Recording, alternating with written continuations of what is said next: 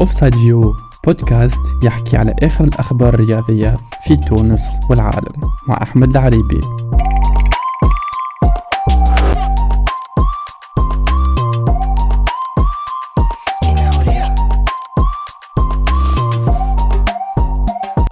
السلام عليكم مرحبا بكم مرة أخرى معنا في بودكاست جديد The Offside View.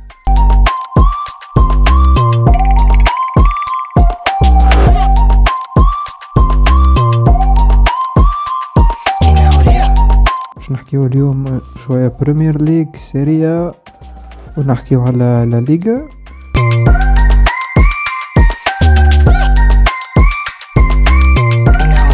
آه، victoire السيتي contre ليفربول أربعة واحد. رباعية لهدف ماركة هدف ليفربول محمد صلاح وماركة أهداف السيتي غندوغان جريليتش وجوليان ألفاريز. هذا يمكن السيتي آه، تخلي تشدد في الملاحقة مع أرسنال اللي ربحت زاد أربعة واحد مع ليدز. زاد مفاجأة صغيرة مش مفاجأة على الموسم اللي عمل فيه نيوكاسل اللي ربحت اليونايتد اللي ماهوش اليونايتد متاع اللي رجع بعد كأس العالم ربح اليونايتد اثنين بلاش. زاد نذكروا إنه برشلونة ربحت إلتشي أربعة بلاش والريال ربحت رايو كانوا ستة بلاش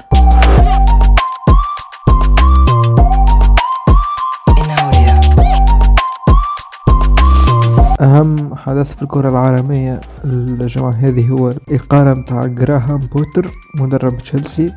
نحكي عليه شوية الإقالة اللي هي كانت متوقعة أما مش استوخرت شوية معناها تذكروا أنه تشيلسي يحتل المركز 11 في البريمير ليج اللي هي حاجة مصيرش ديما معناها ما تعودناش. تشيلسي نشوفه في المركز 11 خاصة الإقالة صارت قبل جمعة ونص من ماتش الريال.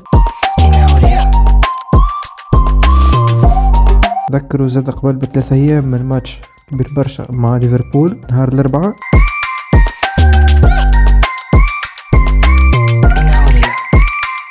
المرشحين لخلافة جراهام بوتر على رأس تشيلسي هما يوليان نيجلسمان المدرب السابق لبايرن مانشن و RB لايبتسش والمرشح الثاني هو لويس إنريكي مدرب برشلونة السابق المنتخب الإسباني.